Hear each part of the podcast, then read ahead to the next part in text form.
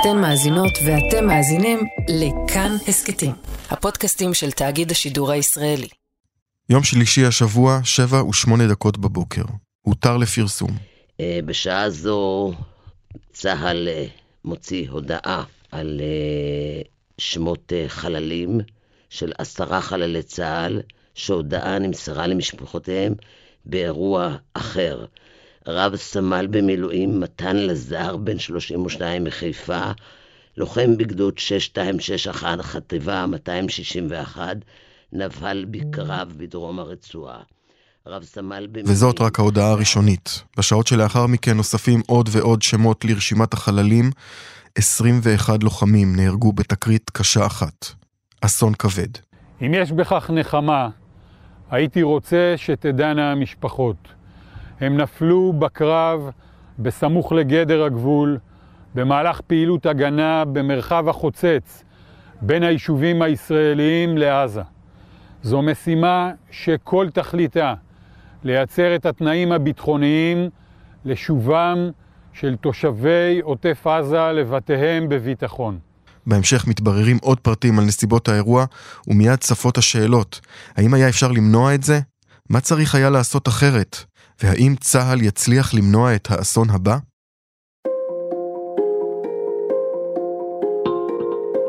שלום, אתם מאזינים לעוד יום, הסכת האקטואליה של כאן. אני דניאל אופיר. אסונות צבאיים קורים, והם תמיד קשים מנשוא. עוד יותר כאשר הם מתרחשים בשעת מלחמה. האם הצבא יודע לתחקר בזמן אמת ולמנוע את האסון הבא? נחזור למקרה עבר וניזכר איך טיפלו בכך אז. האם הפיקו את הלקחים הנדרשים? נשאל גם איך האסונות הכבדים השפיעו על החברה הישראלית ועל המשך הלחימה. נעשה את זה בעזרת מי שהיה בין היתר דובר צה"ל וגם קצין מודיעין בכיר, תת-אלוף במילואים הדוקטור אפרים לפיד, כיום יושב ראש ארגון מורשת ההגנה, אבל עוד קודם נלמד על פרטי האסון השבוע מכתבנו לענייני צבא, איתי בלומנטל.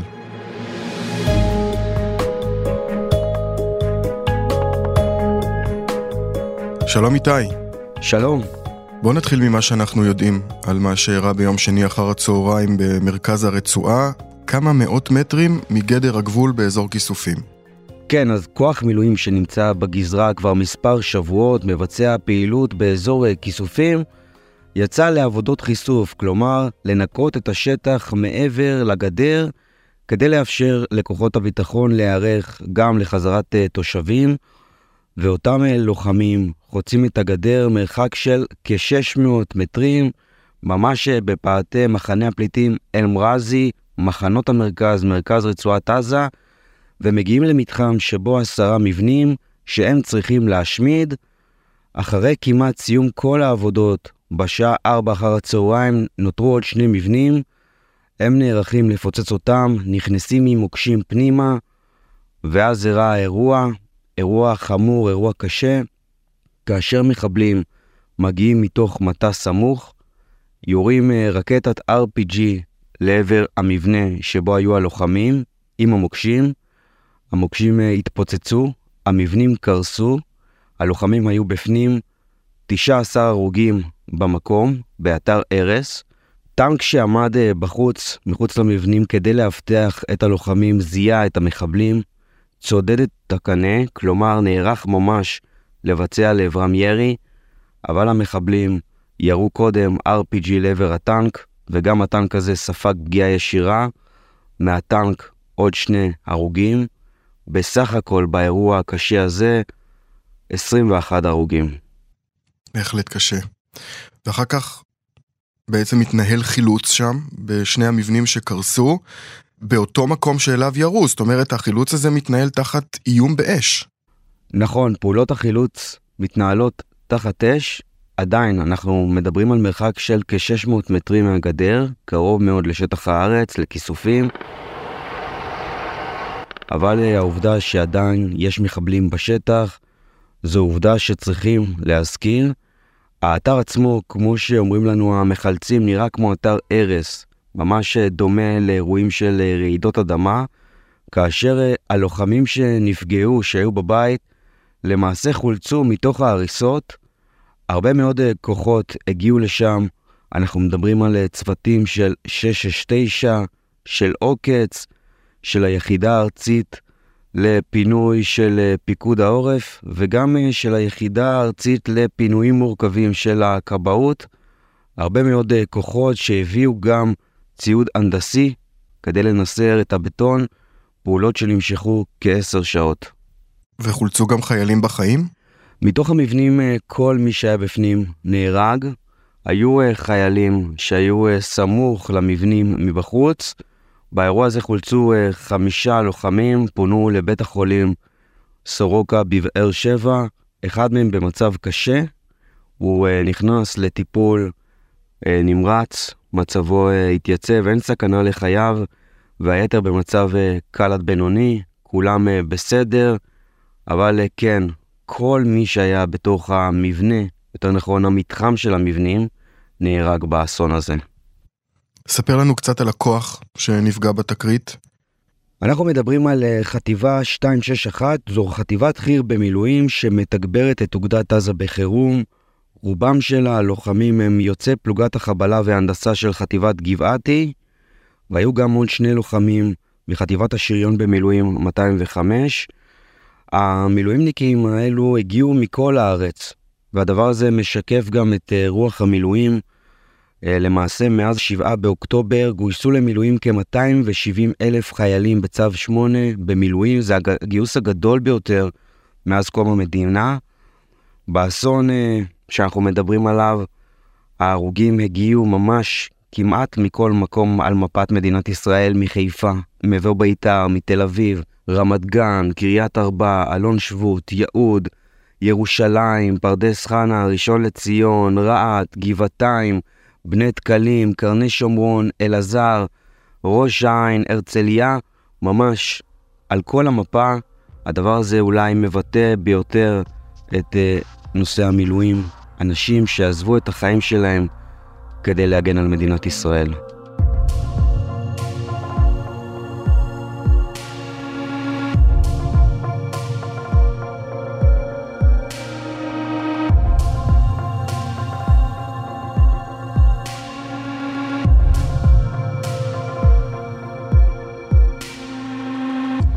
איתי, אחת השאלות הראשונות שנשאלו בקרב הציבור היא למה לא פוצצו את המבנים האלה מהאוויר?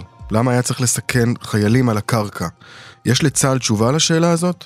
זו אחת השאלות אולי המשמעותיות אחרי האסון, בטח שאנחנו מבינים שהאירוע הזה נגרם בגלל מוקשים שהלוחמים הכניסו לתוך המבנים, וצריך להגיד שכדי להשמיד מבנים, יש מספר שיטות שאפשר להשתמש בהן. אחת השיטות היא כמובן להפציץ מהאוויר, אבל גם לשיטה הזאת יש אה, יתרונות ויש חסרונות. אז מבחינת היתרונות, ברור שאם עכשיו פצצה במשקל טונה נופלת על בית, הבית אה, מושמד, אבל הדבר הזה יכול לגרום גם למכתש ענק שייווצר באדמה, ואז יהיה צורך בעבודות אה, הנדסיות על הקרקע, לשטח את החול, להתחיל לפנות הרס. הרי הכוונה של המשימה הזו הייתה ליישר את השטח, להיחשף אותו, אז זה חיסרון אחד.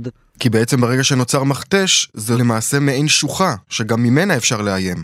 נכון, ולמעשה שיש שוחה זה סותר לחלוטין את אה, כל המטרה של החיסוף, זה יוצר כפל בקרקע, וכל הכוונה היא שהשטח יהיה ישר, כדי שיהיה שדה ראייה פתוח. בנוסף, חייבים להגיד גם את נושא כלכלת החימושים. ברגע שיש איום מיידי על כוח, ברצועת עזה, או שמדובר במבנה שיש סכנה לפעול בו, מטוסי הקרב של חיל האוויר יטילו פצצה גם במשקל טונה, גם במשקל חצי טונה, אבל uh, חלק מהתפיסה, ובגלל שיש משאבים מוגבלים, פשוט אי אפשר להוריד פצצה על כל מבנה בעזה, בגלל שאין מספיק. אין מספיק לא להמשך המלחמה שתימשך עוד ימים ארוכים, ולא בהתחשב בכך שלפנינו ייתכן גם מערכה משמעותית מאוד בצפון, ולכן במסגרת השיקולים בחרו להשמיד את המבנים הללו באמצעות חבלה. עכשיו יש עוד דרך להשמיד אה, מבנים, אמרנו השיטה של החבלה עם המוקשים, ראינו את האסון אה, השבוע, ואפשר לחלוטין להרוס מבנים גם באמצעות פעולות הנדסיות. הנדסיות על הקרקע, כלומר כלים הנדסיים, טרקטורים, שופלים, דיניינים, שהורסים את המבנים הללו, מיישרים את השטח, אבל הפעולות הללו לוקחות הרבה יותר זמן, ולכן ההחלטה הייתה בסופו של דבר להשתמש בחבלה, להכניס כעשרה מוקשים לתוך אה, כל אחד מהמבנים, ואז לפוצץ אותם ביחד. זו השיטה שנבחרה, בטח באזור כזה של כמה מאות מטרים מהגדר, אזור שנתפס, לפחות אה, על פי ההכנות של הכוח, כאזור שהוא פחות מאוים, וזה חלק מהנושאים העיקריים שבהם התמקדו במסגרת התחקיר. כן, מיד אז ניגע באמת בנקודה הזאת שהעלית, אבל עוד לפני זה אני רוצה לשאול שאלה נוספת ש, שנשאלת בהקשר הזה, האם נכון להכניס כמות כזאת של חיילים לתוך מבנה ממולכד שעלול להתפוצץ? אין הוראות בטיחות למקרים האלה? אני חייב להגיד לך שזו שאלה אה, חשובה מאוד. אני חושב שגם אנחנו שמענו אתמול אה, בין השורות איזושהי אה, בחינה של צה"ל. הכוח פרס אמצעי חבלה, ובסופו של דבר הייתה מחלקה בשני המבנים האלה. זה חלק גם משיקולי האבטחה שלהם וחלק מפריסת הציוד, וזה יהיה מוקד התחקיר על התזמון וכמות האנשים שהיו במבנים, ולצערי זה גם מרב הנפגעים.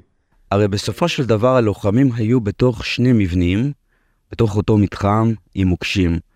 ותמיד נשאלת השאלה, מתי המקום הזה, שהוא מקום יחסית מאובטח, בתוך קירות, מתי זה השלב שבו הלוחמים צריכים לצאת החוצה, הרי הם יפתחו את עצמם מתוך המבנים, מתי השלב שבו המקום עצמו הופך למלכודת מוות במידה ומישהו יורה מבחוץ?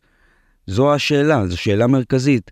כי לפחות בהגעה של הלוחמים לאזור הזה, למרחב הזה, התפיסה של המבנים היא משמעותית. היא גם מאפשרת איזושהי הגנה, אפשר להתמקם בחלונות, אפשר לאבטח מהגובה את הסביבה, לבצע תצפיות. אבל ברגע שהם הכניסו פנימה מוקשים, אולי זה השלב שבו הלוחמים היו צריכים להתפנות למקום אחר, אולי למבנה אחר, אולי לעמוד אה, בשטח פתוח. כל הנושאים האלה נמצאים אה, בתחקיר.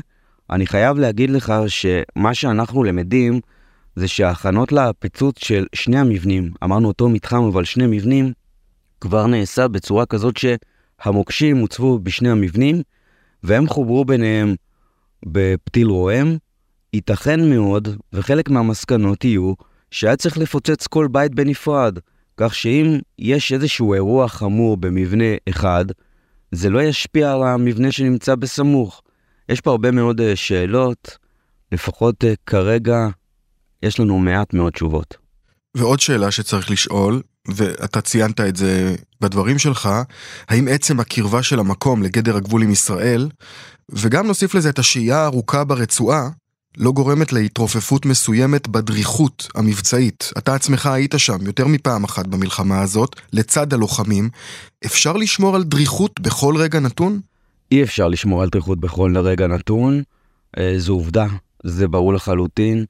הדריכות המבצעית בתחילת המלחמה היא הייתה אה, בשיא, ואני חושב שפעולות מסוגים שונים, יש לה גם השפעה על הלוחמים. בסופו של דבר הפעולה הזאת שנעשתה השבוע, הפעולה של חיסוף שטח, היא במהות שלה פעולה הגנתית.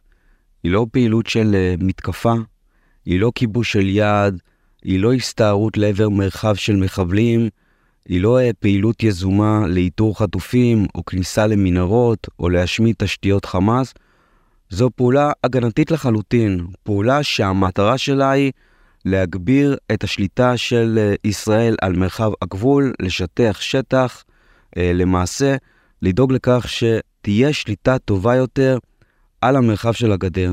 ייתכן והדבר הזה גם היה בראש של הלוחמים שיצאו למשימה הזאת, אני לא יודע, אבל אין ספק שפעולה הגנתית יחסית היא שונה לחלוטין מפעולה של אה, מתקפה, אולי גם בהיערכות של הלוחמים. איתי, אני רוצה לשאול אותך לסיום, זאת כבר התאונה השנייה שמעורבים בה חומרי נפץ, ונהרגים בה מספר גדול של חיילים. יש קשר בין האירועים? יש הפקת לקחים תוך כדי לחימה, שאפשר לעשות מאירוע אחד לשני? שני האירועים על פניו נראים מאוד מאוד אה, דומה, אבל אני חייב להגיד לך שהם שונים אה, במהותם. האירוע שראינו השבוע, הפיצוץ נגרם בגלל ירי RPG של מחבלים, והאירוע שבו אה, נהרגו שישה לוחמים מחיל ההנדסה, זה אירוע שנגרם בגלל ירי של טנק, טנק שיבטח את הכוח, הפגז פגע בעמוד חשמל, הכבל אה, פגע בפתיל הרועם שהצית את חומר הנפץ. כלומר, יש פה דמיון בכך שירי כזה או אחר גרם להצתה של חומר הנפץ. ונשאלת השאלה, מבחינת הרגישות של חומר הנפץ, אולי צריך להשתמש בחומרים אחרים, להביא חומרים עם סף רגישות הרבה יותר uh, נמוך, כך שיהיה צריך הרבה יותר uh, פעולות כדי לגרום לתגובה ולפיצוץ, אבל הנושא הזה הוא משהו שאנחנו מבינים שנמצא בתחקיר, כמובן שיש לזה משמעויות גם uh, כלכליות מבחינת החומר עצמו. בסופו של דבר אני חושב שכדי לפוצץ בניין או להשמיד אותו, כמו שאמרנו קודם, יש כמה שיטות, ואולי אה, דווקא בגלל האירועים שראינו, יבחרו מעכשיו שיטות אחרות, לכל שיטה יש את היתרונות והחסרונות שלה. איתי בלומנטל, תודה רבה לך. תודה רבה.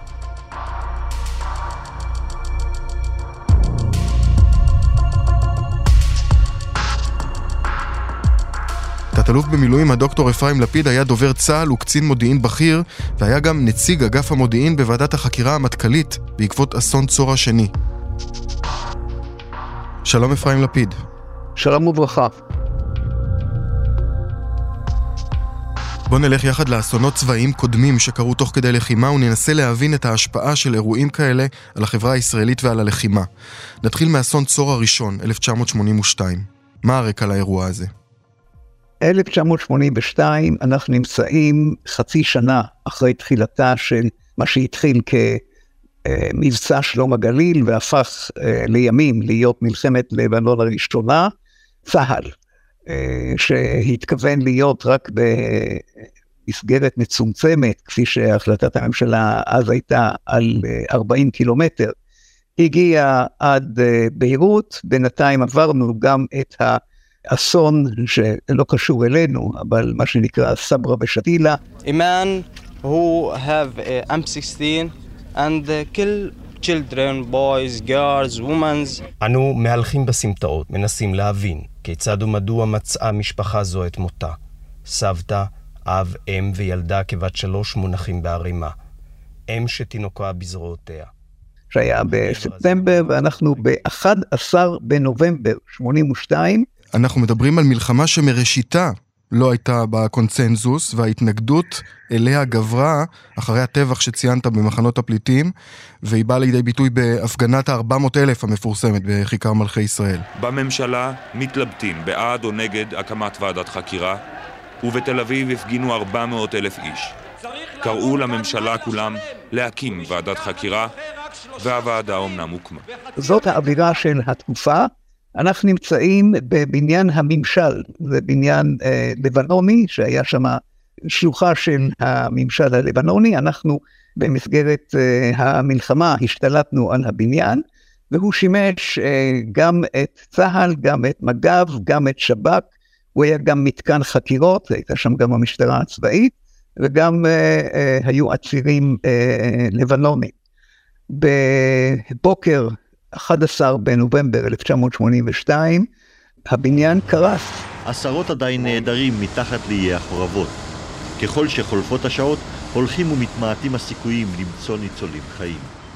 קצב העבודה... בהתחלה מזור... כמובן לא, לא היה ברור uh, מה קרה כאן, זה היה אסון כבד, 91 נהרגו, 34 חיילי אגב, 33 חיילי צה"ל, תשעה אנשי שב"כ ועוד 15 עצורים אה, לבנונים. ראשית לנושא האסון, שמעתי ביקורת. במשך כל הלילה הדהדו אמצעי התקשורת בביקורת מפי כזה ומפי אחר. כשנמצאים במצב קשה, ולפנינו כאן בעיה קשה. עשרות אנשים מתחת לטילי הריסות. צריך לדעת להתאפק ולהתגבר ולא להשחיז את דברי הביקורת, את עטי הביקורת. מה העלתה החקירה הראשונית לגבי הסיבה לפיצוץ?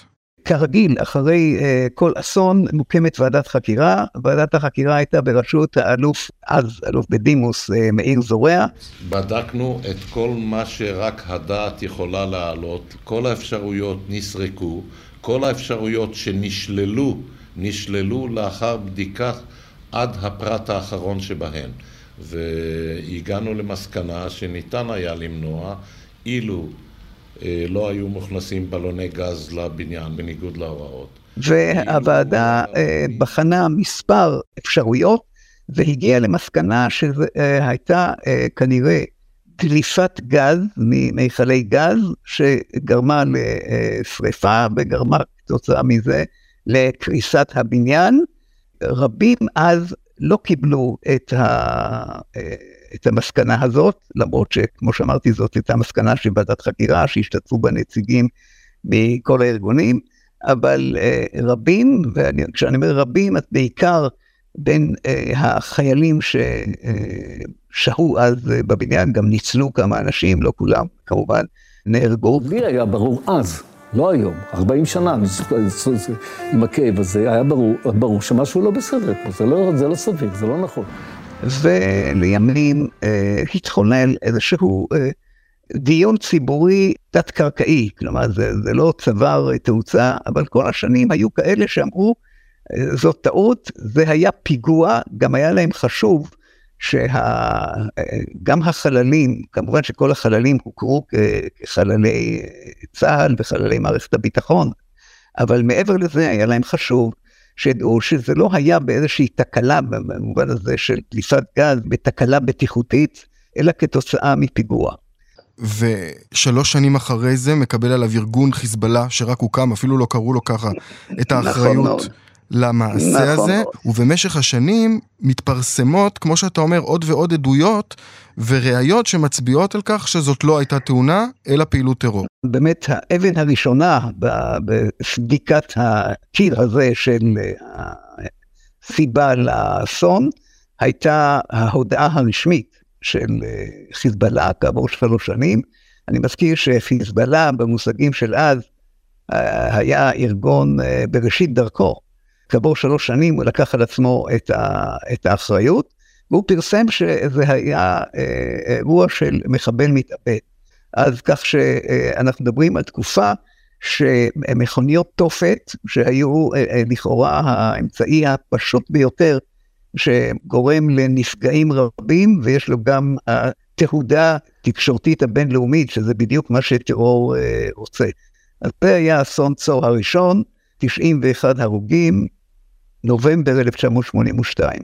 ורק לפני כחצי שנה, 35 שנים אחר כך, ביוני 2023, אחרי מאבק ציבורי שנהלו, כמו שאתה אומר, בני משפחות הנופלים באסון, הודיע צוות בדיקה חדש שיש ממצאים חדשים שמחזקים את החשד שהפיצוץ נגרם מפיגוע חבלני, ובעקבות זאת תוקם ממש בימים אלה ועדה חדשה לחקר נסיבות האסון, ואולי יקבעו רשמית שמדובר בפיגוע.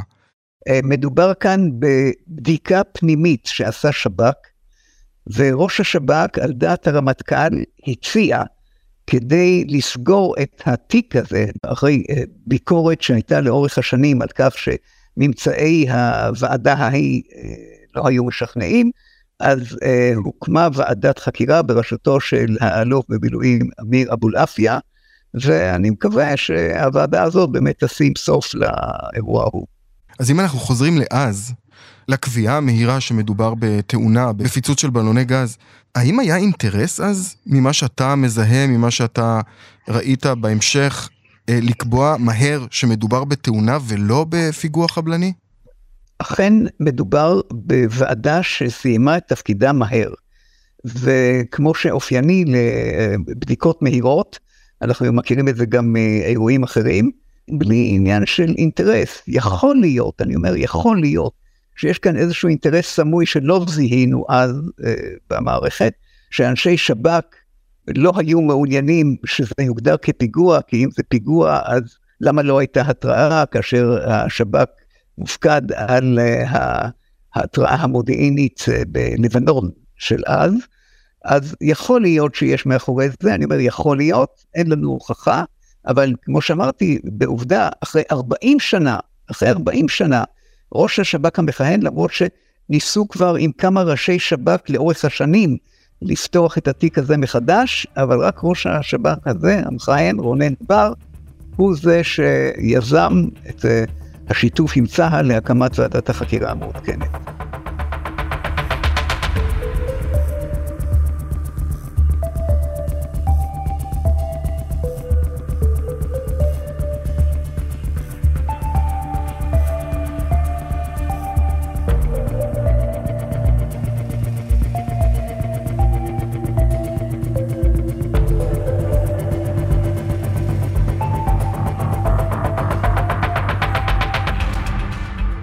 ואני אוסיף שלפחות יש מי שטוען שמדובר בטיוח, גם מן הטעם שהמבצע עצמו, מבצע שלום הגליל, רשמית הסתיים כחודשיים קודם לכן, ובעצם הכרה בכך שהיה פיגוע טרור אחרי סיום מבצע שלום הגליל, שבו אה, מתו מאות חיילים, היה בזה מכה קשה ליוקרה של צה"ל ולהישגי המבצע.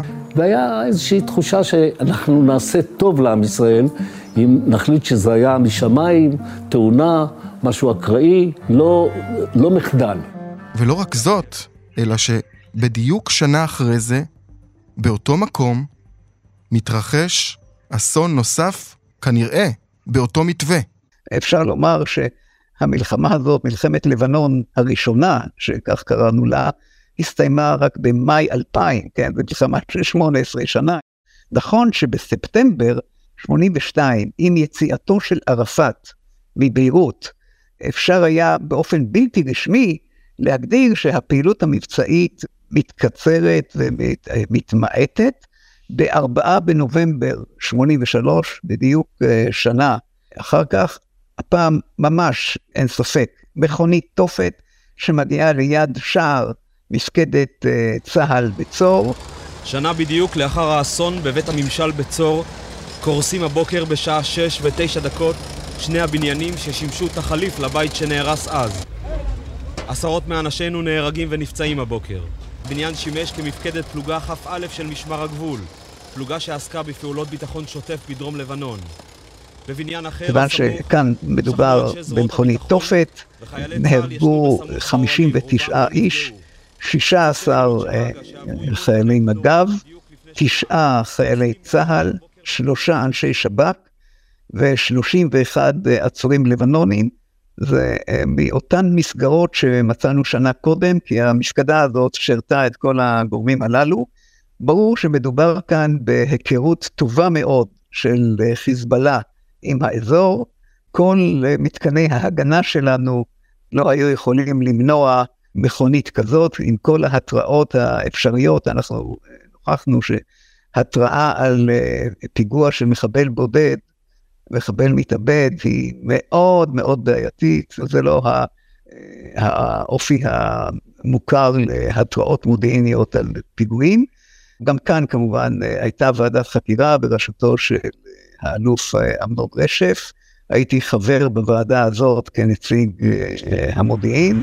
24 שעות לאחר האסון בצור, מגיעה ועדת החקירה שמינה הרמטכ"ל לחקור את שרשרת האירועים. אחד ממפקדי צה"ל בדרום לבנון מוליך את קבוצת הקצינים מעמדת הש"ג בכניסה לעבר שער הברזל שנקרע ממקומו אנחנו אה, בחנו את הדברים, במקרה זה לא היו לבטים ולא היו גרסאות כמו שהיה בוועדה הקודמת. בכל אחת מהוועדות כמובן אה, אה, הוסקו מסקנות, אה, הוסקו לקחים, לא היו כאן מסקנות אישיות, אבל כמובן שאסון כבד. צריך להזכיר שבאסון צור הראשון, בנובמבר 82, הממשלה הכריזה על יום אבן לאומי לראשונה בישראל. יש לנו במסגרת המפגש הזה שלנו פעמיים שהוכרזו ימי אבן, פעם ראשונה ב-82 בעקבות אסון צור הראשון, והפעם השנייה באסון המסוקים בפברואר 1997. אז מיד נגיע לאסון המסוקים, אבל אני רוצה לשאול אותך דווקא בתור מי שהיה חבר בוועדת החקירה. אז כשהייתם בוועדת החקירה לא ידעתם ששנה קודם לכן גם כן היה מדובר ככל הנראה בפיגוע טרור, אבל היום ממרחק הזמן, אפשר לדבר על קשר ישיר בין שני האירועים, והעובדה שבתום האירוע הראשון לא הופקו הלקחים הנכונים, לא נמנע האירוע השני? אנחנו כן ידענו שהיו גרסאות, זה, זה עמד לנגד עינינו בוועדה השנייה.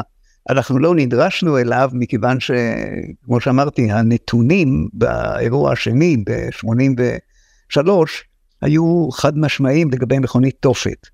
הועלו גם בדיונים הפנימיים שלנו, זה לא, זה לא בא לידי ביטוי במסקנות שפורסמו, אז אנחנו uh, הזכרנו שיש כאן מאפיינים דומים, מדובר באותה מפקדה, מדובר באירוע שמנקודת מבט של המפגעים, במקרה זה חיזבאללה, זה אירוע שהוא בעל תהודה רבה, כי הוא משפיע גם על חיילים, גם על uh, משמר הגבול, גם על uh, שב"כ. הם לא uh, בדיוק רצו שגם עצורים לבנונים יהיו ב, באסון הזה, אבל זה המחיר כנראה שלוקחים בחשבון אם, אם אנחנו הולכים על פיגוע ראוותני, שני פיגועים עם עשרות הרוגים, שזה מנקודת מבט של טרור, בהחלט הישג. איך לדעתך השפיע האסון על דעת הקהל והאם הוא השפיע על המשך הלחימה, המשך השהות של צה"ל בלבנון? שני האירועים האלה אה, היו מאוד טראומטיים, אבל אה, אפשר לומר שהאסון השלישי, שאנחנו נדבר עליו, אסון המסוקים, שהיה ב-1997, הוא היה כמעט אה, המהפך, אה, ב- לא רק בדעת הקהל, אלא גם השפיע על קבלת ההחלטות.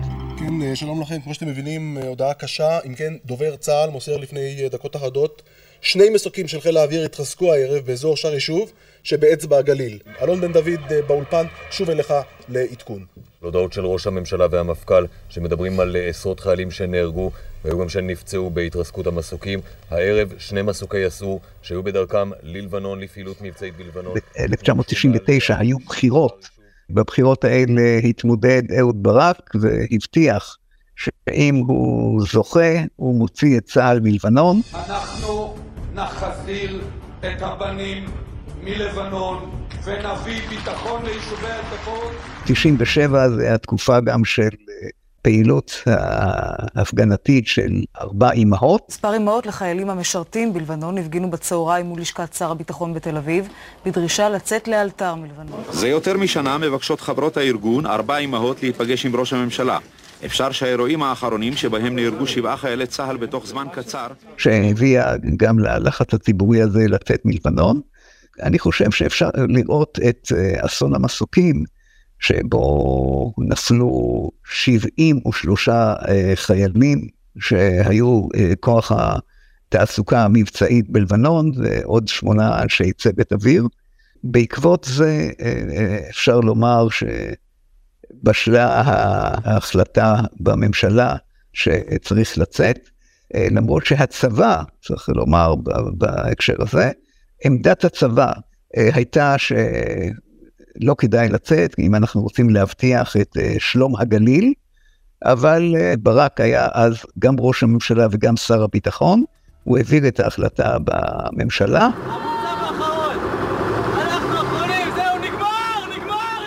מאי 2000, סיום ל-18 שנות uh, שהייה מאוד מאוד מדממת בלבנון.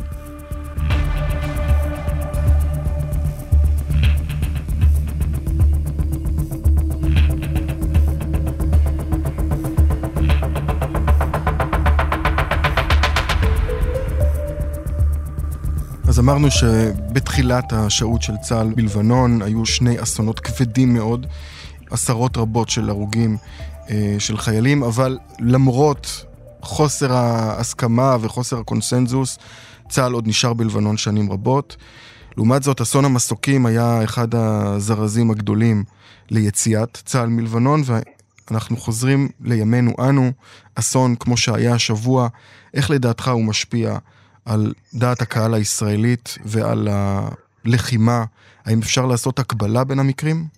אפשר בהחלט uh, לחוש שהאסון שקרה השבוע משפיע ישירות על דעת הקהל.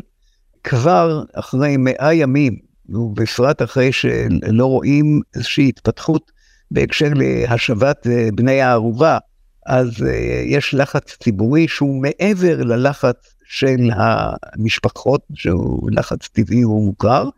מצד שני, צריך לומר שהפעילות המבצעית, אה, אנחנו לא רואים גילויים של סרבנות או גילויים של ירידת מורל בקרב החיילים הפועלים, הלוחמים בשטח. אפילו להפך. מצד שני, אפשר בהחלט לומר להפך, אבל מצד שני צריך אה, לחוש שגם בדרג הפוליטי אין אה, הסכמה מלאה על המשך הלחימה בצורה הזאת, בלי שאנחנו רואים את מה שנקרא היום שאחרי, לא, לא רק במובן המטאפורי של יום שאחרי, אלא לקראת מה אנחנו אה, הולכים.